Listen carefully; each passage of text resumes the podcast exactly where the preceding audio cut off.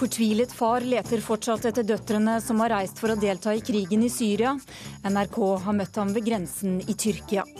Kritikken mot Sylvi Listhaug kommer til å ende som et slag i luften, tror redaktør Gunnar Stavrum. Ja vel ja, sier Marie Simonsen. Og politikere letter samvittigheten for reporter Sigrid Solund. Bli med til skrifterommet på Stortinget, der synder bekjennes. Jeg har mye å bekjenne. Ja, og jeg har jo mye. Eh, og jeg håper ikke sønnen min hører på denne radioen. Tilgi meg, for jeg har synda.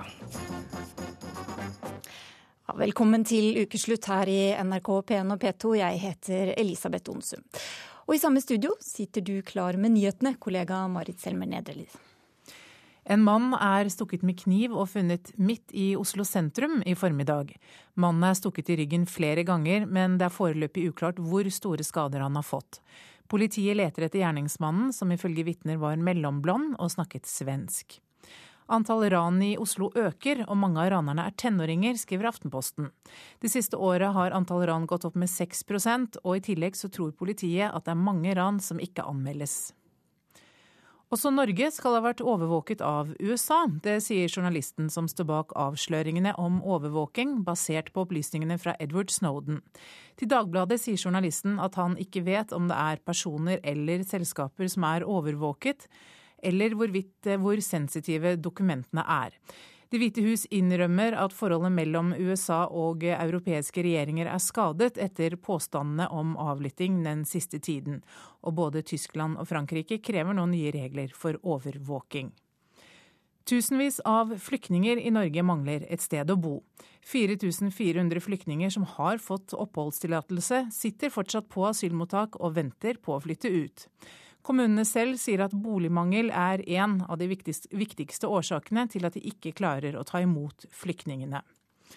Og eh, i Syria er minst 15 medlemmer av organisasjonen Hezbollah drept i kamper utenfor hovedstaden Damaskus.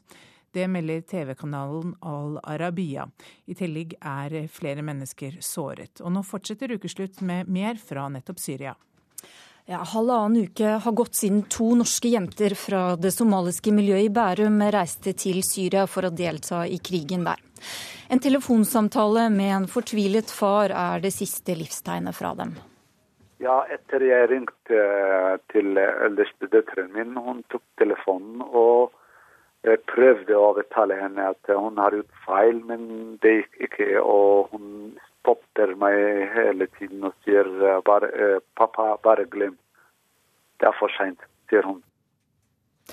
Ja, Tormod Strand, eh, det var du som snakket med faren til disse to jentene på 16 og 19 år. Nå er du i Tyrkia ved grensen til Syria for NRK. Eh, vet du noe mer om hva som har skjedd? Vi snakket med faren for to to timer siden. Han bor jo eh, like ved vårt hotell, hotell, her, her i Hatay. Vi hadde en kaffe sammen. Vi var enige om at eh, vi savner norsk kaffe. Han liker ikke den tyrkiske. Han har det i det hele tatt eh, bedre i dag. Han er optimistisk. Eh, han sier at han har kontakter som forteller at jentene fortsatt er her i området i Tyrkia. Eh, men om det er riktig, er det umulig for oss å få bekreftet. Ja, for hvor sikker kan man være på den informasjonen man får der nede? Nei, det er, det er, uh, veldig vanskelig for oss å vurdere. Det er jo sendt ut en etterlysning, uh, og i dag skal faren møte tyrkisk politi. For det er jo på en måte faren selv som driver sin egen private etterforskning her nede. Om han er på sporet, er det umulig for oss å vite. Generelt sett vil jeg si at det er lett å bli lurt her nede, og han er jo i en svært sårbar situasjon. Mm. Det er også sånn at andre muslimer fra andre land trekkes til Syria for å kjempe jihad. Hva vet du om det? Det er, det er mange hellige krigere, eh, jihadister fra Europa her. Eh, og de kommer inn i Syria fra akkurat dette området vi er i, i, i Hatay-provinsen. Eh, jeg snakket i går med en syrisk soldat som var såret på et hospital, som kjempet sammen med seks europeere fra Belgia, Frankrike og Storbritannia. Vi har også snakket med en, en syrisk humanitær organisasjon som sier at jihadister fra Vesten er med på å ødelegge vår revolusjon. Eh, de, innfører, eh, de vil innføre et religiøst diktatur, eh, og han forstår ikke hvorfor Norge og Europa lar ekstreme religiøse predikanter plante på en måte et hatbudskap mot Vesten i land som, som Norge. Og han sier at de manipulerer ungdom til å reise hit til Syria for å kjempe. Vi trenger dem ikke, er, er hans budskap. Mm. Det blir antagelig mer om dette i Lørdagsrevyen i kveld, etter hva jeg har forstått? Det blir det. Ja. Takk skal du ha, Tormod Strand. Bjørn Heger, du bodde i Syria fram til i fjor sommer, og noen vil kanskje også huske deg fra et innslag her i, i Ukeslutt tidligere um, om deg og din syriske kone.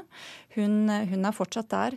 Men hva kan du si om situasjonen i Syria nå? Altså, hvis disse jentene kommer seg over til Syria, hva slags situasjon er det som møter dem der?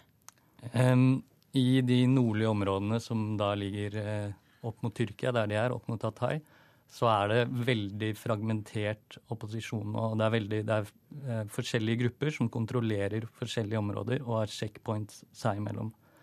I løpet av de siste fire månedene så har alle utlendinger egentlig, hjelpeorganisasjoner og sånn, stoppet å reise inn pga. en voldsom eh, økning av kidnappinger eh, av rene kriminelle bander, og også særlig en av disse Al Qaida-gruppene, ISIL, som eh, ser på utlendinger eh, som eh,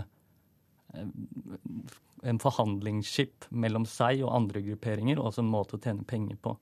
Og for mange så er ikke det at du er muslim og kommer der for å kjempe, det betyr ikke nødvendigvis at du ikke blir kidnappet. Hvorfor det? Fordi det er noen av disse er rene kriminelle grupperinger, og de ser på alle ikke-syrere, og for så vidt også syrere, som blander seg inn som en mulighet eh, til å tjene penger. De, eh, de ser folk som kommer særlig da fra vestlige land, at de sannsynligvis har familier med mer penger som de kan da få krevd så de kan leve bedre i Syria. Ehm, det er også nå en så stor konflikt mellom flere av disse væpnede gruppene at de kidnapper andre hvis de ser dem som partnere av den andre gruppen. Da. Eh, og særlig, særlig, da disse i, i, islamsk stat for Irak og Levanten eh, er ivrig på å kidnappe ehm, alle som de ser egentlig som ikke venner av seg. De er også, det er hovedsakelig utlendinger i den gruppen, ikke syrere.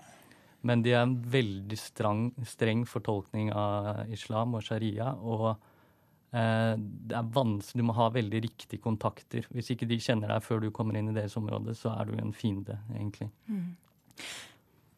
Hvor, du kjenner jo området godt, selvfølgelig. Hvor lett er det å komme seg over grensen der, vil du si? Det er jo usikkert om de, har, om de har klart det eller ikke. Det er ikke så lett som man tror. Um, det er mye hull i gjerdet og sånne ting, men alle er kontrollert på en eller annen form, noe av det av tyrkere, både offisielt og uoffisielt. Og alle sammen har eh, syrere på andre siden av grensen, altså væpnede menn, som eh, blokkerer disse grensene. Så hvis du ikke har eh, enten syriske identitetspapirer eller, eller de rette kontaktene som følger deg inn, så slipper du ikke inn. Så jeg vil tro at hvis de ikke har, har hatt Eh, noen som hjelper dem veldig, så vil jeg også tro at de er i Tyrkia. Mm. Eh, Stig Jarle Hansen, du er ekspert på Somalia ved Universitetet for miljø- og biovitenskap. Eh, hva er det som får to unge kvinner på 16 og 19 år til å reise til et krigsområde som, som Syria? Det er nok en forandring av eh, et syn på verden eh, som kan se gjennom reelle hendelser. Eh, på en måte så er det en adoptering som, som, der du eleverer deg selv til å delta. Du sier selv at du deltar i en global konflikt og forenkler verden ganske kraftig. Så du, du setter på en måte en islamsk verden opp mot en annen verden og forenkler bort en del muslimer som du sier ikke passer inn i denne islamske verden. Altså det de kaller takfirisme. At du trekker fram at eh, noen er såpass ille at de ikke får lov til å være en del av den muslimske verden. Og på en måte så er dette her gunstig for uh, ungdommer som kan være litt sårbare. For du eleverer deg selv. altså Du ser på deg selv som uh, muligheten til å slåss for det som du tror er godt. Du forenkler verden, så du får følelsen på en måte at du behersker verden og vet noe som ingen andre vet. Altså Du blir på en måte det de kaller en vanguard. Noe som går foran og forstår ting ingen andre forstår, av at du har fått denne forenklingen. Og Noen ganger så kan det være at du kommer inn i grupper som skaper denne forenklingsprosessen rekrutteringsprosessen. At alle rett og slett er enige med hverandre, og de ikke greier å stille spørsmål som er veldig viktige til dette verdensbildet. For det er jo ikke så lett, det er jo ikke så lett i Syria. Eh, det er ikke så lett eh, noen steder, den svarte og hvitte verdensbildet. Men noen ganger kan dette her også foregå på internett. Altså du, du bare diskuterer med likesinnede, og så styrker du opp ditt eget inntrykk. Uansett så trenger du å ha noen kontakter for å komme inn, sånn som ble nevnt her tidligere. Ja, Men én ting er på en måte å bli fascinert av, av disse videoene og, og, at det har en viss appell på, på, et nivå. Men derfra til å reise ned og, og gjøre den aktive handlingen og, og delta, hva, hva, skjer der? Jeg vil si at det er nok en, en, en, skala. Altså Du har nok en del, sånn som du sier, som har blitt fascinert og lar det bli med det. Altså Man er, er retorisk tilhenger av dette her, og man, det manifesterer seg på internettuttalelser og sånn. Men altså, noen er mer aktivistiske enn andre. så Noen vil eskalere dette her, og så vil de dra. Dette er et veldig lite mindretall. Så det er veldig mange som forholder seg til den retorikken og sier at de tror på den retorikken, men så eh, rar de De agerer rett og slett ikke. Og det er noe som er viktig for oss å forstå det. Mm. Du kjenner identiteten til disse jentene og har vært inne på Facebook-sidene deres bl.a. Hva slags informasjon fant du der?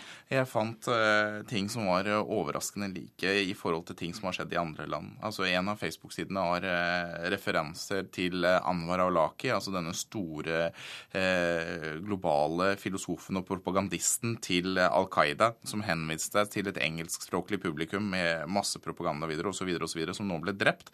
Men altså, mye av propagandaen hans ligger ute, og igjen frir til eh, mennesker for at de skal dra og kjempe da i jihad for å kjempe mot den, det de ser på som en slags eh, muslimsk umma som er under angrep. Eh, veldig effektiv propagandist. Men Hva slags roller kan disse kvinnene få i en eh, konflikt der nede? Eh, det jeg har sett. Nå har jeg studert andre deler av verden kanskje enn en akkurat Syria, så det er det andre her som også kan, kan, svare litt på. Men det jeg har sett, er jo at de kvinner som blir rekruttert, veldig ofte havner innenfor logistikk, altså de driver med medisin etc. etc. Det er veldig sjeldent at disse kommer ut og faktisk kjemper. Mm. Vi har også hørt uh, historier om kvinner som reiser ned som uh, en slags fysisk, moralsk støtte til, til krigerne. Ja, vi har jo også sett på Facebook-sidene her at det, det er jo eh, rett, eh, Hun ene av de som reiste, har en sånn referanse til å være kone for en mujahir. Og en, eh, en, en, altså en mor til en mujahir. Mm. Skape en familie som skaper nye krigere, og støtte den krig, krigeren som faktisk er det. Mm. Hassan Ali Omar, du er bl.a. redaktør for, for, en nettside for somaliere i Norge, varasub.com sånn cirka, uttale. Ja. Hva slags budskap er det som møter eh, unge på internett f.eks. Eh, når de blir forsøkt rekruttert? Helt sånn konkret. Ja, eh, Budskap som møter ungdom, er et budskap som er utarbeidet godt. egentlig det menn snakker om, sånn, det er retorikk som foregår overalt. Stig Jarle nevnte nå det er retorikken. Også Inger Marie Sunde, eh, som eh, har skrevet en eh, ny rapport om forebygging av radikalisering. Hun sier det legges ut selektiv sitering av Koranen som legger til grunn for terror. Det er ikke riktig bilde av Koranen, men bildet skapes av retorikk, retorikken.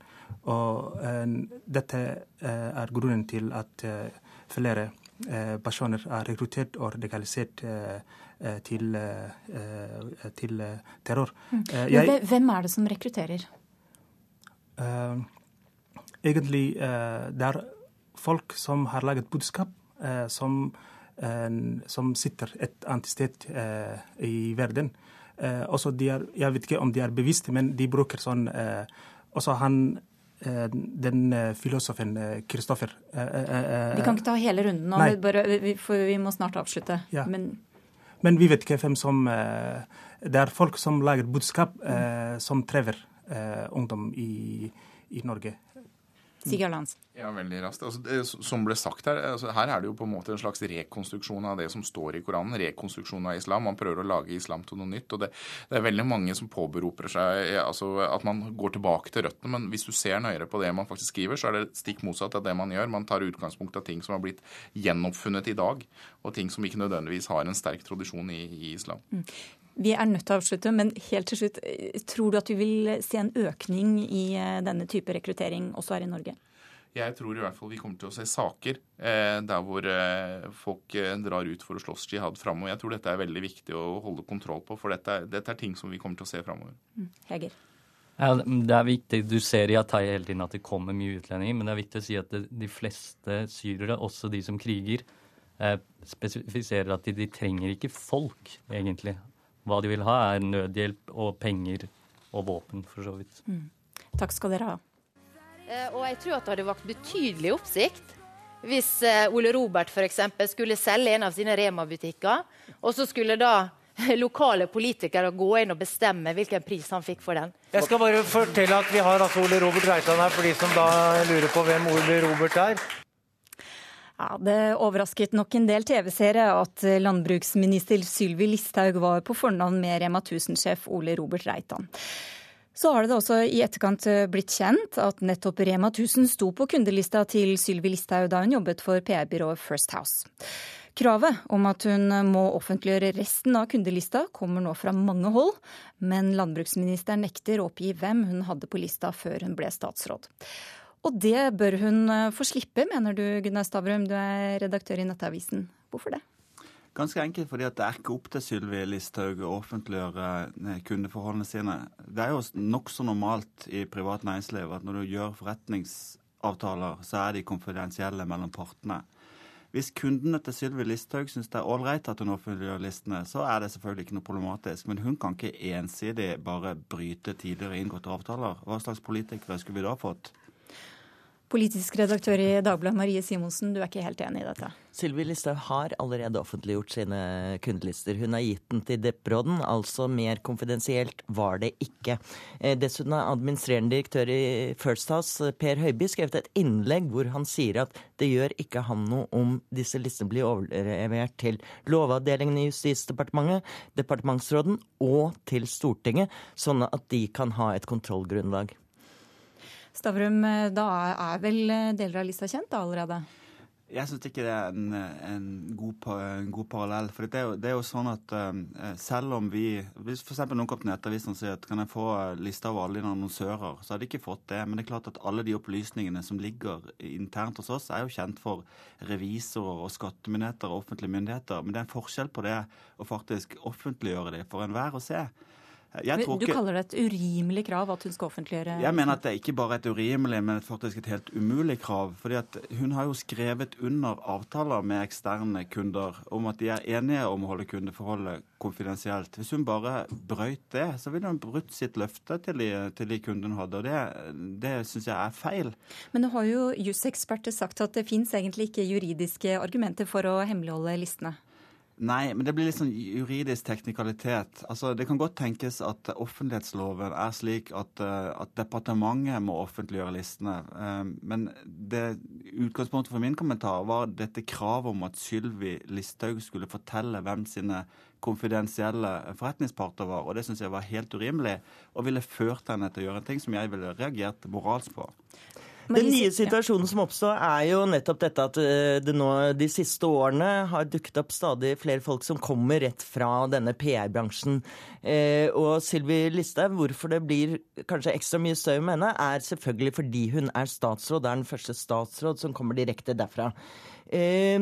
Det, eh, det, som er utfordringen, er jo at denne bransjen har som eh, uttalt mål at den skal påvirke politiske beslutningsprosesser. Den skal faktisk påvirke de som sitter inne i regjering.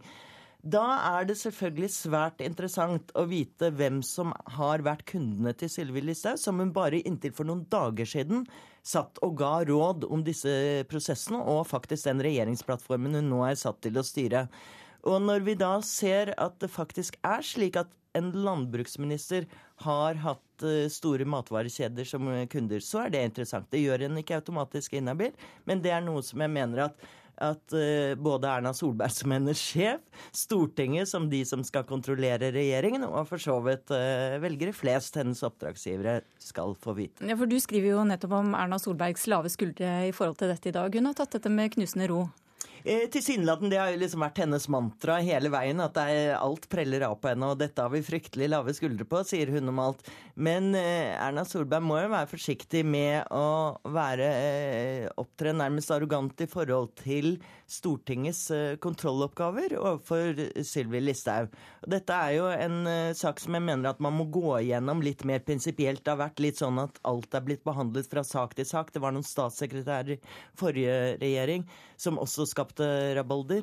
Så nå må man få på plass et eller annet, eh, et eller annet regelverk, f.eks. et lobbyregister. Men de har jo sittet uh, åtte år i regjering, de rød-grønne, uten å foreta seg noen ting på dette feltet? Det er helt, eh, helt klart, og de hadde flere habilitetsutfordringer, de også.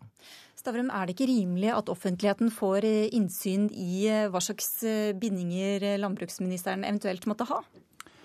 Jeg er jo for et lobbyregister. Jeg er også for at vi skal vite om, om bindinger generelt. Nå skal jeg si at I den grad det er en habilitetsproblematikk her, så syns jeg den er ganske liten. Vi må huske at den avgående regjeringen hadde en landbruksminister som var bonde selv, hadde direkte økonomiske interesser av det han satt og forvalta hele tiden. Vi hadde en fiskeriminister som var en av de største aktørene i fiskerinæringen, som hadde til de grader bindinger.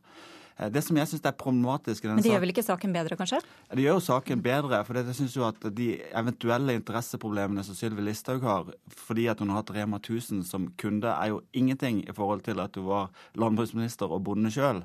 Men det sentrale for meg er at du kommer til å ha mange personer som går inn i statsrådsstillinger, som har hatt bindinger før. Vi har f.eks fire jurister bare i løpet av de siste regjeringene som har hatt en mengde klienter, og som selvfølgelig ikke kommer til å offentliggjøre klientene sine. De har faktisk lovforbud mot å gjøre det. Og når du har inngått en kontrakt som Sylvi Lysthaug har, så har du også inngått en juridisk forpliktelse til å ikke offentliggjøre listene dine. Men dette er jo også en ø, politisk side altså, som uh, for så vidt ordner seg, sånn som man ser nå. når uh, Sylvi Listhaug Det er jo virkelig elendig kommunikasjonsstrategi de har lagt opp til. Man vet, dette er det første rådet til informasjonsstrateger, er legg frem alt med en gang og bli ferdig med saken. I stedet for halver man det ut. Og så ender det med at pressen selvfølgelig finner tak i denne kundelisten og lekker navnene én for én. Mm. Og da er mitt siste spørsmål. Kommer Listhaug til å bli presset til å legge fram lista si? Det blir hun, tror jeg. Jeg tror ikke Listhaug kommer til å legge fram listene, men det kan godt være at de finner at offentlighetsloven gjør at de må utlevere den fra departementet. Nettopp. Takk skal dere ha. Vi skal på sett og vis holde oss til temaet litt til. For hemmelige kundelister, medlemskap i lukkede brorskap og stemmegivning mot egen overbevisning, ja, det er noe som kan skape samvittighetsnag hos politikerne. Men ukeslutts reporter Sigrid Solund ville hjelpe representantene på Stortinget til å lette samvittigheten. Hun satte opp et eget skrifterom der de kunne bekjenne syndene sine. Og mange politikere tok den tunge veien inn døra. Jeg har mye å bekjenne. Ja, og jeg har jo mye. Og jeg håper ikke sønnen min hører på denne radioen. Tilgi meg, for jeg har synda.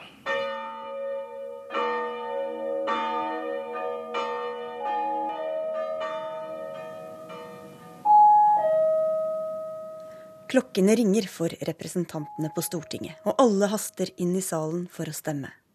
Men noen ganger må de stemme for der de helst skulle trykket på nei-knappen. Andre ber kanskje en stille bønn om at ingen spør mer om bindinger, lister, brorskap eller gamle twittermeldinger. Så fire etasjer over Stortingets eget kapell ville ukeslutt gi stortingsrepresentantene enda en mulighet til å lette hjerte og samvittighet. Henrik Asheim, stortingsrepresentant for Høyre. Hva har du å bekjenne? Jeg har vært ungdomspartileder, og det betyr at man har gjort mange litt dumme ting. Enten det er å synge på radio, eller å gå i debatt med Sputnik på radio om det er bedre å bo på landet eller i byen. Dessuten har jeg slengt litt med leppa mot Trond Giske, som nå er min sjef i utdanningskomiteen. Og det kjenner jeg på hver eneste dag. Ib Thomsen, Frp. Jeg drakk jo noen øl før jeg fylte 18. Jeg kjørte for fort når jeg fikk førerkort. Og du vil ikke tro dette. Jeg har tatt med for mye alkohol over grensen nå. Jette Christensen, Arbeiderpartiet. Hva har du å bekjenne? Jeg har å bekjenne at eh, ofte som politiker så angrer man på de tingene man ikke har gjort. Og jeg angrer på noe jeg ikke har gjort, og noe jeg ikke har sagt. For eh, en stund siden så var jeg i en debatt mot Høyres Julie Brodtkopf, som ba meg om å fortelle hvor mange unger jeg hadde, før jeg fikk lov å uttale meg om pappaperm. Jeg angrer nesten hver dag på at jeg ikke ba henne spørre seg sjøl om hvor mange ganger hun har satt seg et skudd før neste gang hun uttaler seg om narkotikapolitikk. En unnlatelsessynd, altså? Det er en unnlatelsessynd. Den er stor, den veier tungt, men jeg håper jeg blir tilgitt. Sodoma, Gomorra, Stortinget. Bekjennelsene kommer på løpende bånd fra både sylferske og erfarne representanter. Per Olaf Lundteigen. Jeg har å bekjenne det at jeg burde vært enda tydeligere i det forrige Stortinget, men jeg skal prøve å gjøre bot for meg i denne stortingsperioden. Heidi Nordby Lunde, Oslo Høyre. Og hvilke synder har du med deg inn på Stortinget? Det er jo ikke noe hemmelighet at jeg i min ungdom bl.a. røykte hasj på TV og startet Kvinner for porno, men det visste de før de stemte på meg. Hva har du å bekjenne, Stefan Heggelund? Vel, jeg lever jo egentlig et litt kjedelig liv, men jeg har jo ting å bekjenne, jeg som alle andre. F.eks. så har jeg vært medlem i et annet parti, Sosialistisk Venstreparti. Og så, så hender det jeg sover i dusjen. Og det er jo ikke spesielt miljøvennlig, da. En politiker skal helst møte mange mennesker, men en del er beskyldt for å møte de gale personene for ofte og med for tette bånd. Men i skrifterommet er det få som oppgir upassende bindinger. Alle vet jo at vi som er i Høyre, vi, jo, vi er selvfølgelig medlem av Illuminati, Frimurlosjen, Bilderberger-gruppen og Seilerforeningen.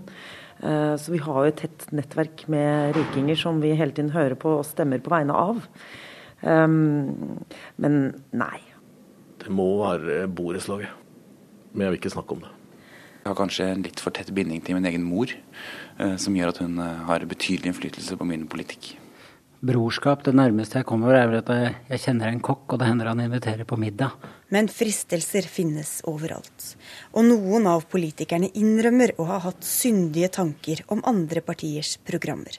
Det har jeg ofte. Det er mange ganger jeg kan føle tilhørighet også hos andre partier enn mitt eget. Eh, det kan være tungt, men jeg håper på tilgivelse hver eneste dag.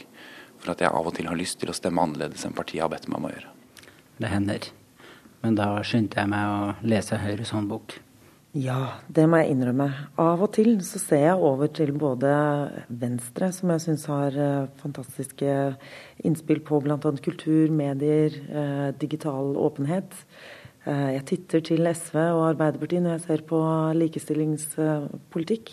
Det eneste partiet jeg kanskje ikke har syndige tanker om, er nei, det er to partier. Det er Rødt og KrF. Har du ellers syndet mot partiprogrammet noen gang? Youngstorget-svik er verre enn Landsvik, så det tør jeg ikke.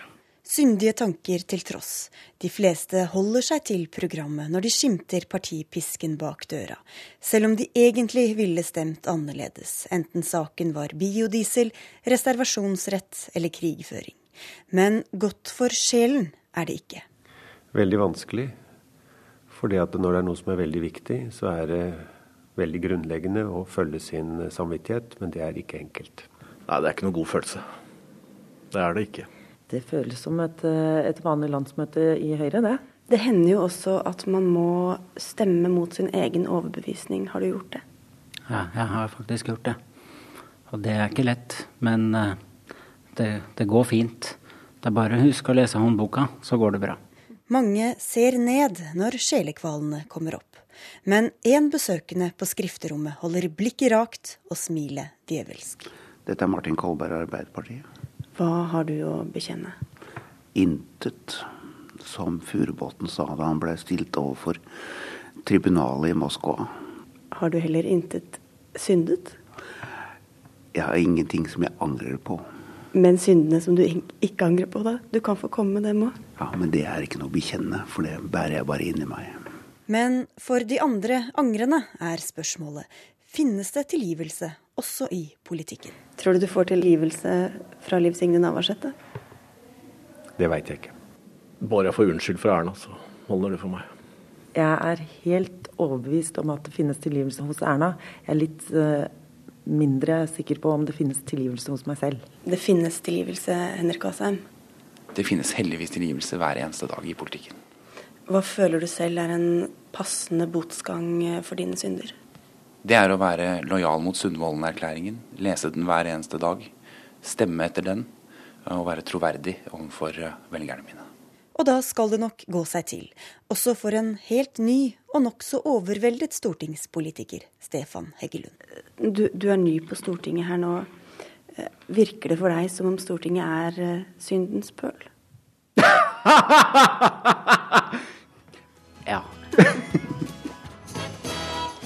Du hører på Ukeslutt i NRK P1 og P2. Fortsett med det, da får du høre at Kripos frykter økt menneskehandel også i Norge. 70 barn trolig utsatt for menneskehandel bare i fjor. Og venstreraddis Mimir Kristjansson hever pekefingeren mot venstresida. Spar det digitale blekket neste gang Solveig Horne dummer seg ut på Twitter, sier han. Historien om lille Maria med det blonde håret som ble funnet i en romleir i Hellas, blåste liv i debatten rundt menneskehandel. Nå viser DNA-prøver at foreldrene til Maria er et bulgarsk rompar, som sier de ga henne bort fordi de ikke hadde anledning til å ta seg av henne. Det som, det som ifølge FN er sikkert, er at 1,2 millioner barn hvert år blir solgt. Kripos frykter at problemet bare vil bli større, også her i Norge. Antagelig utsettes rundt 70 barn for menneskehandel i Norge hvert år. Noen av dem kommer til barnevernstjenesten på Sankthanshaugen i Oslo. Og vi må på en måte uh, sikre at uh, vedkommende ikke blir innhenta av bakmenn. Ja, Skjer det? Uh, vi tror at det har skjedd. Vi vet det er ungdommer som har hoppa inn i ventende biler, f.eks. Eller som har stukket av etter to timer, hoppa ut fra andre etasjen sier Renate Håvin.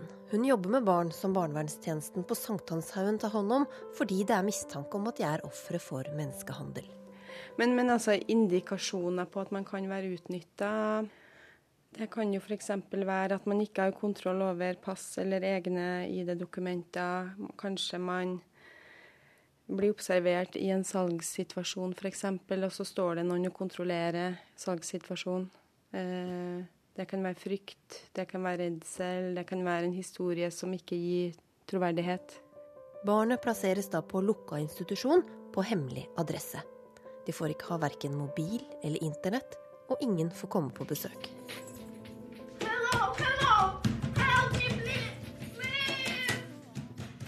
Lukas Modussons film 'Lilja Forever' fortalte historien om russiske Lilja, som ble lurt til Sverige, hvor hun ble låst inne i en leilighet og måtte selge sex.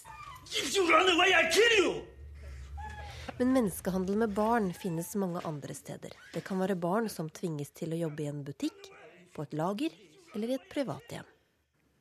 Jeg tror at Norge er et av de mest attraktive landene i Europa eh, pga. vår høye eh, levestandard. Det sier statsadvokat Rudolf Christoffersen. Det vil være naivt å tro at, eh, at ikke barn også blir fraktet til vårt land eh, for å bli utnytta på, på, samme måte som, som man har sett i, i, en del andre europeiske land. Christoffersen satt i en internasjonal ekspertgruppe for utsatte barn under Østersjøområdet. Noen barn kidnappes eh, eller blir solgt av sine egne foreldre når de er så små Eh, at de etter hvert ikke engang husker eller kjenner, vil være i stand til å gjenkjenne sine egne foreldre. Etter hvert ikke har andre omsorgspersoner enn de personene som utnytter de. Ifølge Koordineringsenheten for ofre for menneskehandel ble 70 antatt mindreårige fulgt opp som mulige ofre for menneskehandel i Norge i fjor. Få saker ender med dom. Christoffersen har jobbet med to av sakene som har ført til dom. I dag ble seks mennesker dømt til fengsel for grov menneskehandel, og for å ha utnyttet fire barn i alderen 13 til 17 år til tyveri og tigging. Den ene saken, litauiske eh, barn som var rekruttert fra fattige, alkoholiserte, oppløste hjem i et eh, veldig fattig område i Litauen. De var transportert til Bergen eh, og flere andre steder på Vestlandet hvor de var blitt satt til å stjele fra eh, butikker, fra butikken åpna om morgenen til de stengte om kvelden. Disse barna var i alderen 15 til 17 år. De sov i bilene, de måtte stjele sin egen mat. Alt det de stjal, ble levert av tilbakemennene, som frakta dette til Litauen, hvor det ble solgt der nede. Og det kan også være vanskelig for politiet å forstå at det faktisk er menneskehandel når et barn blir tatt for tyveri. Mange av disse barna var jo tatt for disse eh, tyveriene flere steder i landet. Men de hadde fått bøter og, no og påtaleunnlatelse. Altså politiet hadde ikke oppfatta de som, som ofre, hadde ikke tenkt tanken at det var noen som sto bak, som utnytta disse barna, og trodde at barna eh, stjal disse tingene som de stjal, kun eh, til seg sjøl. Fikk, hadde rett og slett ikke forstått at det sto voksne folk bak som organiserte dette, og som tok alt det som barna stjal. Lena Reif, som er leder for eh, seksuallovbruddsseksjonen i Kripos, frykter at det vil bli mer menneskehandel med barn også i Norge. Vi har en bekymring om at uh, det vil være en økende kriminalitetsform i framtida. Um, og vi ser også at det er lav terskel for egne foreldre og utnytte sine egne barn til både tigging, tyverier og annen annen form for kriminalitet. Og det er mye penger for bakmenn og kvinner å tjene på barn i tvangsarbeid, forteller statsadvokat Christoffersen.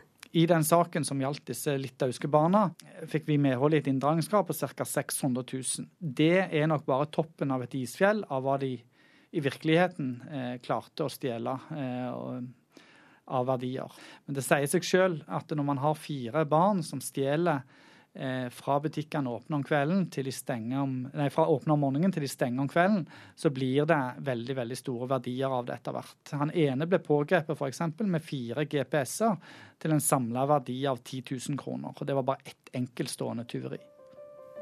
Men ikke alle barna vil ha hjelp til å komme ut av tvangsarbeidet, opplever barnevernet i Oslo. Eh, man har eh, satt seg i stor gjeld og er avhengig av å tjene penger for å betale ned på gjelda si. Ja, og man kan, man kan også bli trua med at man dreper familien i hjemlandet, faktisk, hvis man ikke tjener inn og betaler ned på gjelda. Nå skal det handle om noe ganske annet. For eh, man skal tukte den man elsker, heter det. Og denne uka var det manifestredaktør Mimir Kristiansen som kom med en skriftlig ørefik til venstresiden. For likestillingsminister og Frp-politiker Solveig Horne fikk gjennomgå både på Twitter og i avisspalter etter utsagn om homoeventyr og om jenters eh, ansvar når det gjelder grensesetting på byen. Og Mimi Kristiansson, du er altså redaktør i Manifest Tidsskrift. Du ba altså spesifikt venstresiden om å spare på det digitale blekket. Hvorfor det? Jeg mener for det første at eh, politikken eh, i Norge bør være rausere. Altså at man bør ha større aksept for at eh, folk driter seg ut. Og dette mener jeg ikke minst av egen interesse. Jeg driter meg mye ut sjøl, og jeg trenger den rausheten til en senere anledning. Og Solveig Horne har sagt noe dumt. Det er alt for noen år siden. De tingene har hun gått tilbake på umiddelbart når hun ble likestillingsminister.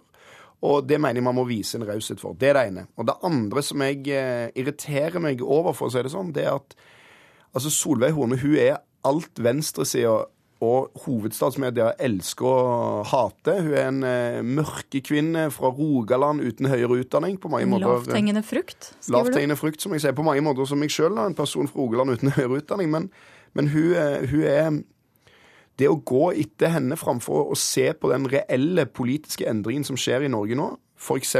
I, i Jan Tore Sanners departement, der man snakker om å legge ned mange hundre kommuner. F.eks. I, i Torbjørn Røe Isaksen departement, der man skal forandre hele norsk skole.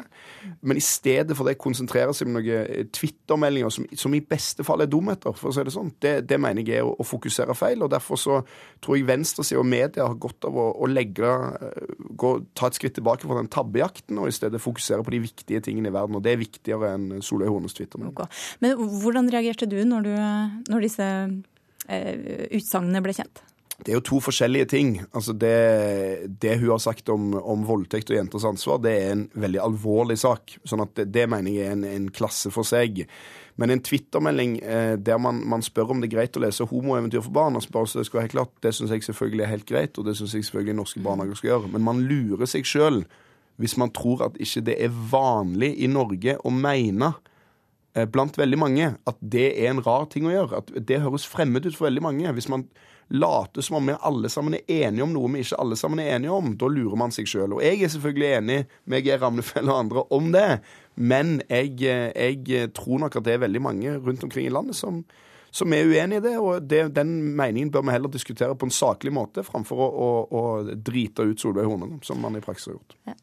Geir Amnefjell, du er kulturredaktør i Dagbladet. Retter du deg til pekefingeren til eh, Mimi Kristiansen? Nei, altså jeg er jo enig i at man ikke skal drite ut eh, Solveig Horne, men jeg føler ikke at det er det vi har gjort i Dagbladet, for å si det sånn.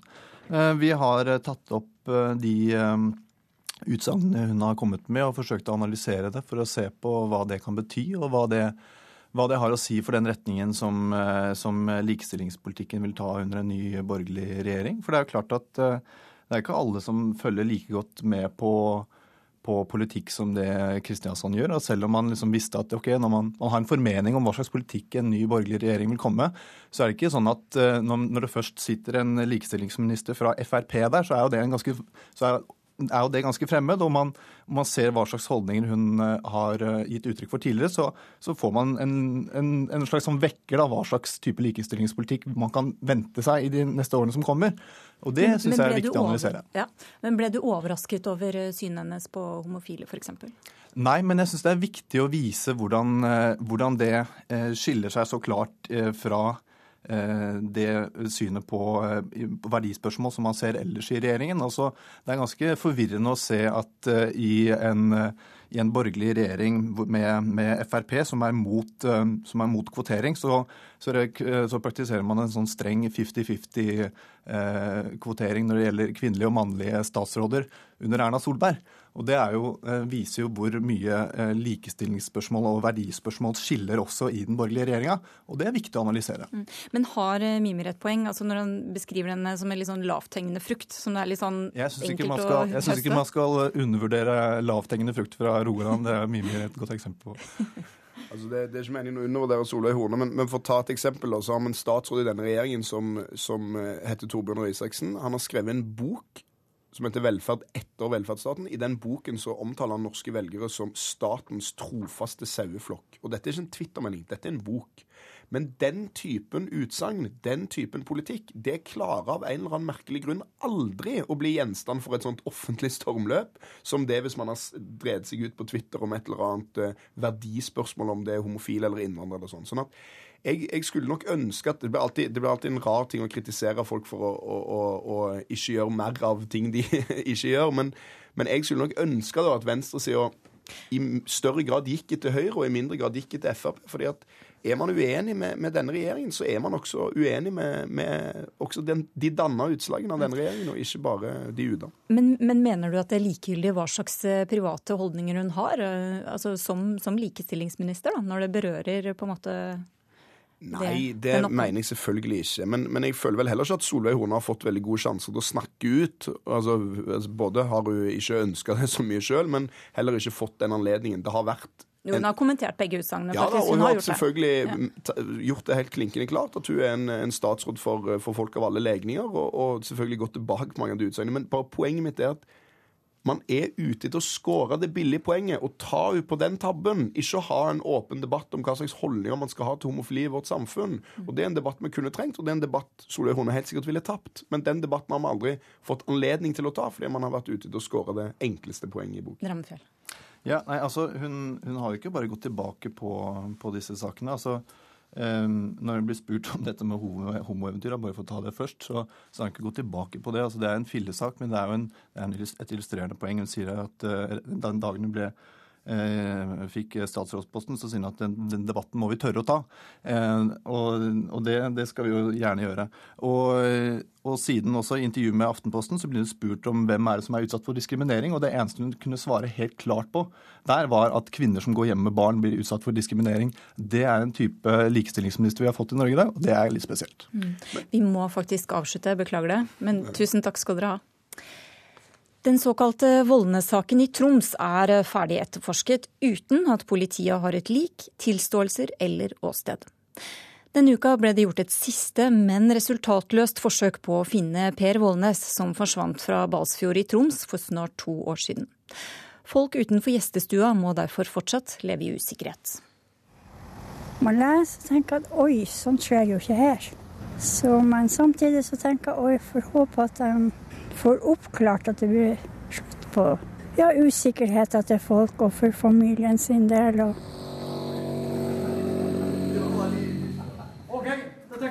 det var ikke mye vi journalister fikk lov å overvære da politiet undersøkte grunnen under Vollan gjestestue.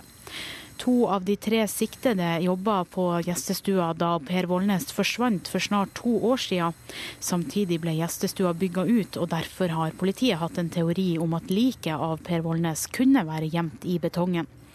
Vollnes ble sist sett på 50-årsdagen sin i sitt eget hjem. Innledningsvis så ble det gjennomført en leteaksjon etter han som en savna person. Den leteaksjonen pågikk i de første dagene i desember. Regionlensmannen i Målselv, Andreas Nilsen, har hatt Vålnes-saka på sitt bord siden dag én. Ja, altså dette er, dette er ei drapssak der vi mangler tre sentrale element, nemlig tilståelse fra de sikta, vi mangler et klart åsted, og vi mangler et lik. Og det er klart at uh, et fravær av alle de tre samtidig uh, gjør saka ekstra vanskelig. Og Nå er saka levert til statsadvokaten for påtalemessig forslag, som han skal igjen sende over til riksadvokaten. Til tross for at de mangla et lik, et klart åsted og tilståelser fra de siktede, har politiet gjort ferdig si etterforskning. Men for Per Vålnes si søster, Heidi Molstad Andresen, er det fortsatt håp. Og jeg er sikker på at det finnes noen der ute som veit eh, hva som har skjedd med Per. Politiet har flere ganger sagt at de er sikre på at det har skjedd et drap, og samtidig så har de fått medhold hver eneste gang det har vært fengslingsmøter. Og det medholdet har de fått basert på den informasjonen som de sitter på Selv om det utad har vært veldig mye fokus på den informasjonen politiet ikke har og mangler. Og Med det som utgangspunkt så håper jeg virkelig at Riksadvokaten nå konkluderer med å ta ut tiltale, og at vi i rettssak vil få innsikt i hva som gjør at politiet er så sikre i sin konklusjon. Kontrastene er store på Vollan gjestestue denne oktoberdagen. Vi journalister står mye ute i kulda foran den stengte resepsjonsdøra i vente på nytt fra politiet, som går inn og ut av dørene med de spesialtrente hundene Kaos og Ferro. Mm. Det er sånn gjeldsfølelse. På den ene siden sett så for familien sin del og, og, sånn, så håper man jo virkelig at, at, eh, at, han blir funnet. Eh, men på den annen side sett så er jo dette her en litt sånn for publikum for øvrig en litt uggen situasjon når man vet hva de holder på med innenfor. Da. Mm. Så det er litt sånn todelt sak. Ja, det er makab. For Håvard Lydersen, som driver Vollan gjestestue, er det likevel en spesiell dag. Eh, vi har jo visst om at det skulle skje noen dager nå. Så, men det er klart nå når det er boringa og det er hunder som går ut og inn og sånn, så blir det litt, du får det litt inn på livet da. Ja, det er jo uhyggelig. Men samtidig er det jo godt at det blir undersøkt. At det ikke blir bare gjetninger og, og sånt. Så får vi se da hva som skjer. Ukeslutt takker for følget. Ansvarlig for sendingen var Aksel Wilhelm Due. Teknisk ansvarlig Hanne Lunås. Skript var Lars Christian Rød. Jeg heter Elisabeth Onsum.